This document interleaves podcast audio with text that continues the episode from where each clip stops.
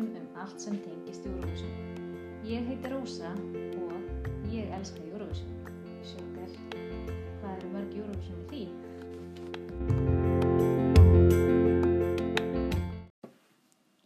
Voru ekki annars allir að horfa á alla leið á rúfigær?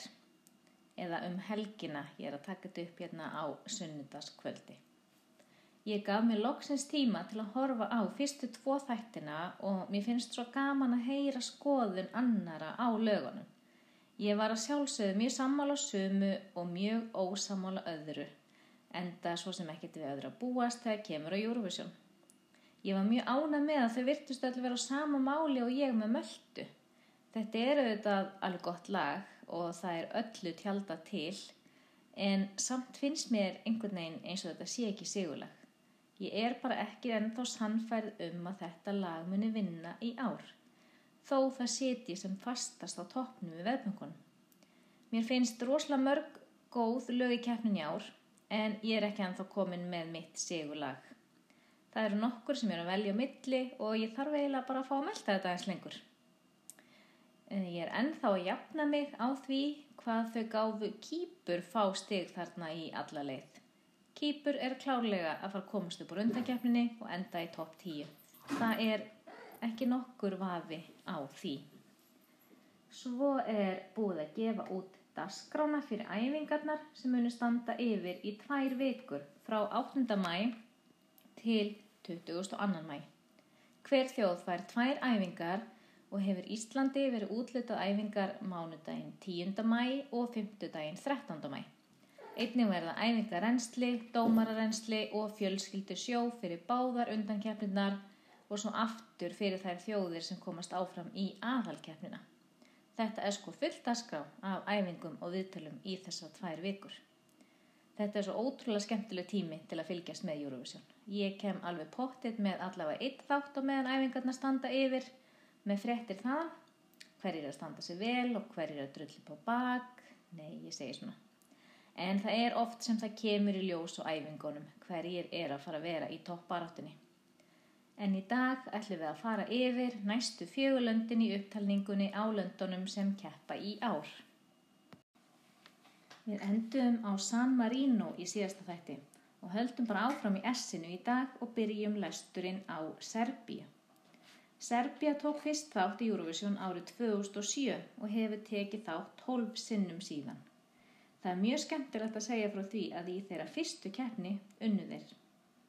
Það var hún Marja Serefovic sem sönglægið Molitva sem þýðir bænir eða prayers eftir því sem ég kemst næst.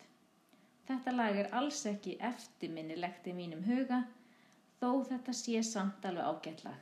Söngkonan var með svart stutt hár, glerugu og var íklætt svörtum jakkafötum, hvítri skirtu og hvítum stregaskom.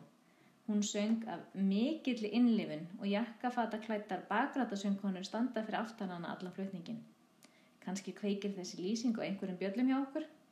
En ef ekki, þá getið þið kíkt yfir á Facebook eða Instagram síðu þáttarins sem að heita báðar Ég elska Eurovision.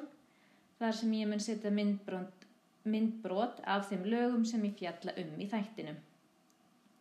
Serbia hefur aldrei lendi í neðstasæti Eurovision og þeim hefur líka gengið alveg ágætlega undankernunum. Þeir hafa komist áfram nýju sinnum af tólfskiptum. Fyrir utan sigurinn árið 2007 þá er næst besti árangur þeirra þriðja sætið sem þeir náðu árið 2012 með læginu Nýje ljúbaf stvar. Af framlögum Serbíu finnst mér Molitva klárlega það besta. Þó það sé alls ekkit inn einu sérstöku uppáldi hjá mér. Það bara er ekkit úr rosalega mikla að velja. Í ár sendir Serbíu tríóið Hurricane fyrir sína höndil Rotterdam. Lægið þeirra heitir Loco Loco og myndir sennilega flokkast sem solti hefðbundnið Europop. Þetta er uppskrift sem við höfum séð svo oft í kemminni. Ekkert nýtt og ekkert spennandi.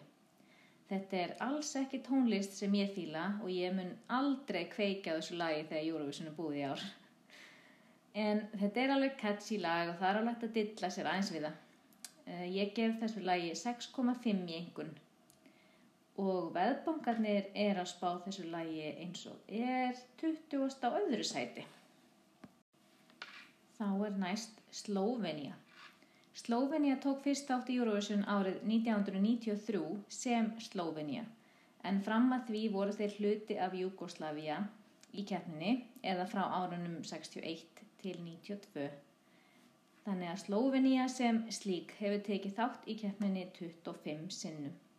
Þeir hafa aldrei unnið en hafa einu sinni lent í neðstasæti og var það árið 2013 þegar söngkonan Hanna sönglægið Straight Into Love.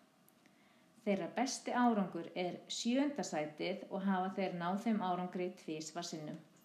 Fyrst árið 1995 með læginu Pristlunni Mí og svo árið 2001 með læginu Energy. Ég þurfti að fletta um þessum báðum lögum því ég kannadist bara ekki neitt við þau og þó ég hafi hlust á þau þá var því engu nær. Bæði bara frekar vondlög, ef það má segja svo. Ég eiginlega skil ekki hvernig við náðu sjöndasæti og þá sérstaklega ekki lægi frá 2001 Energy. Þetta er bara hræðilegt lag. Því miður eru slóvenar bara ekkert sérstaklega góðir í Eurovision. Ég á eitt uppáhaldslag frá Slóvinju og er það lagi Sebi sem þeir sendi í keppnina árið 2019 og hafnaði í 15. sæti. Lægið var flutt af ungu pari sem stóði kjör á sviðinu allan tíman og horði í augun á hvort öðru. Frekar krútlegt og vandræðilegt allt saman, en lægið finnst mér gott og ég hlusta ennþá á það í dag. Slóvinni hefur komist áfram 6 sinnum af 16 skiptum í, í undakefninni og því miður þá er ég nokkuð vissum að þeir sé ekkert að fara að komast áfram í ár heldur. Það er söngkonan Anna Soklik sem keppir fyrir hönd Slóvinni í ár með læginu Amen. Þetta lag er pissupásan í ár. Þetta er bara alveg rosalega leiðilegt lag. Greiði söngkonan að þurfa að syngja svona leiðilegt lag, segi ég bara. En söngkonan er mjög flott og hún er með geggjað rödd. En það næri samt ekki að bæta upp fyrir það hversu leiðilegt lagið er. Þetta lag fær lægstu engun hjá mér í ár. Ekki nema tvo Ég bara kemst valla í gegnum heila hlustun á læginu án þess að missa lífsviljan. Veðbankarnir virðast vera sammála mér þar sem læginu er spáð 38. sæti í keppninni sem er næst neðsta sætið. Þá förum við næst yfir til Spánar. En Spán tók fyrst þátt í Eurovision árið 1961 og hefur tekið þátt 59 sinnum. Spán hefur tvísfarsinnum unni keppnina og hafa einnig lent í neðsta sæti fimm sinnum. Þeirra fyrsti sigur var árið 1968 með læginu La La La flutt af söngkonunni Maciel. Þeir sigruðu svo strax aftur árið setna, árið 1969 með læginu Vivo Cantando með Salome. En það eru því komin einn 52 ár síðan spátt sigraði Eurovision. Frá árunni 2004 þegar undakefnina voru settar á hefur spátt tilheirt hinnum svo kölluðu Big Five og þurfa því aldrei að taka þátt í undakefninni og fara sjálfkrafa áfram í úslitt. Sem betur fer þeirra vegna myndi ég segja, því ég er nokkuð vissum að ef svo væri ekki, þá hefðu verið all nokkur árein sem þeir hefðu ekki verið með í aðalkefninni. Mér finnst svolítið erfitt að velja mitt uppáhalslag frá spáni því stundum veit ég hreint ekki alveg hvort mér finnst lagið sjálft vera gott eða hvort það sé bara því að sungja á spænsku. En ég bara elska spænsku. Allt, kísamætt hérna, allt hljómar bara einhvern veginn vel á spænsku. En ég ætla að velja lagið Dancing in the Rain frá 2014 sem lendi í tíundasæti sem mitt uppáháls spænska framlag sem að freka fyndi því það eru eina lagið þeirra sem er ekki sungið á spænsku. Spán sendir söngvaran Blas Canto til Rotterdam í ár með lagið Voi a Quaderme sem þýðist á ennsku sem I Will Stay. Þetta er rosalega falleg ballaða og hann Blas Canto getur sungið. Þetta lag er í miklu uppáldi hjá mér í ár. Mér finnst það bara svo ótrúlega gott að hlusta á röttinans og þessi spænsku orð og ég ekki þessu lagi 7,5 í engun.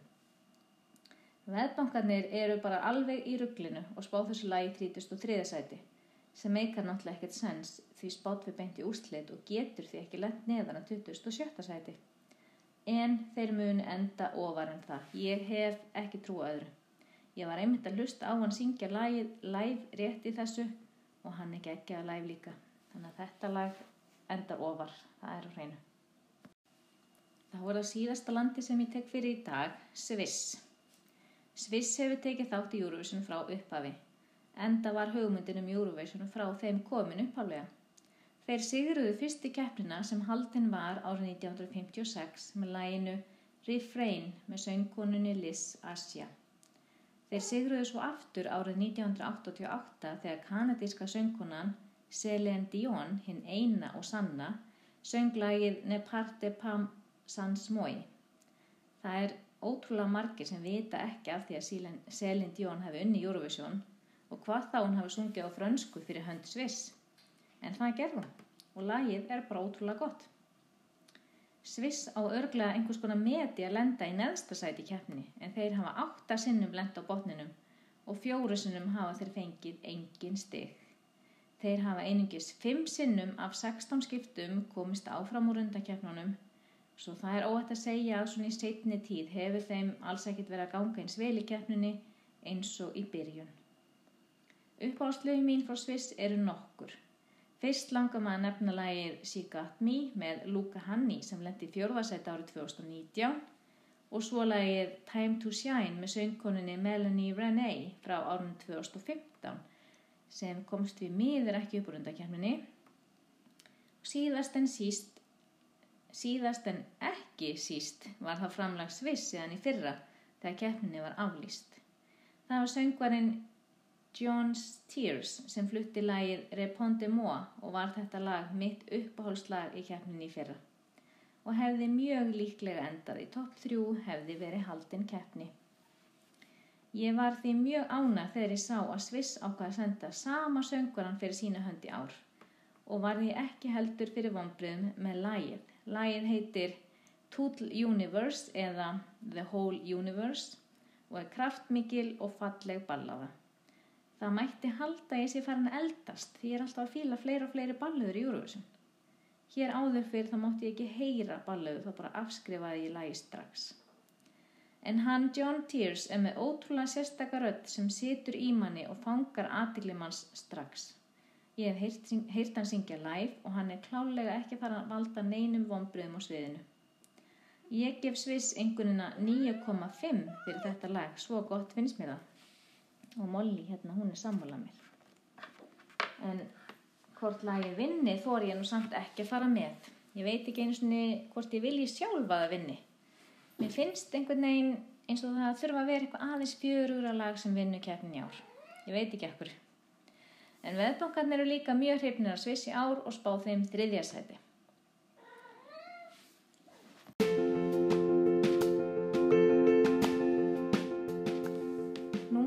einungis fjögur lönd eftir upptalningunni af löndunum sem keppa í ár og kemur þáttur út núni í vikunni þar sem við klára síðustu fjögur löndin verðist það þá tíundi þátturinn okkar. En ég ætla að segja þetta gott í byli núna. Takk kærlega fyrir að hlusta. Bye!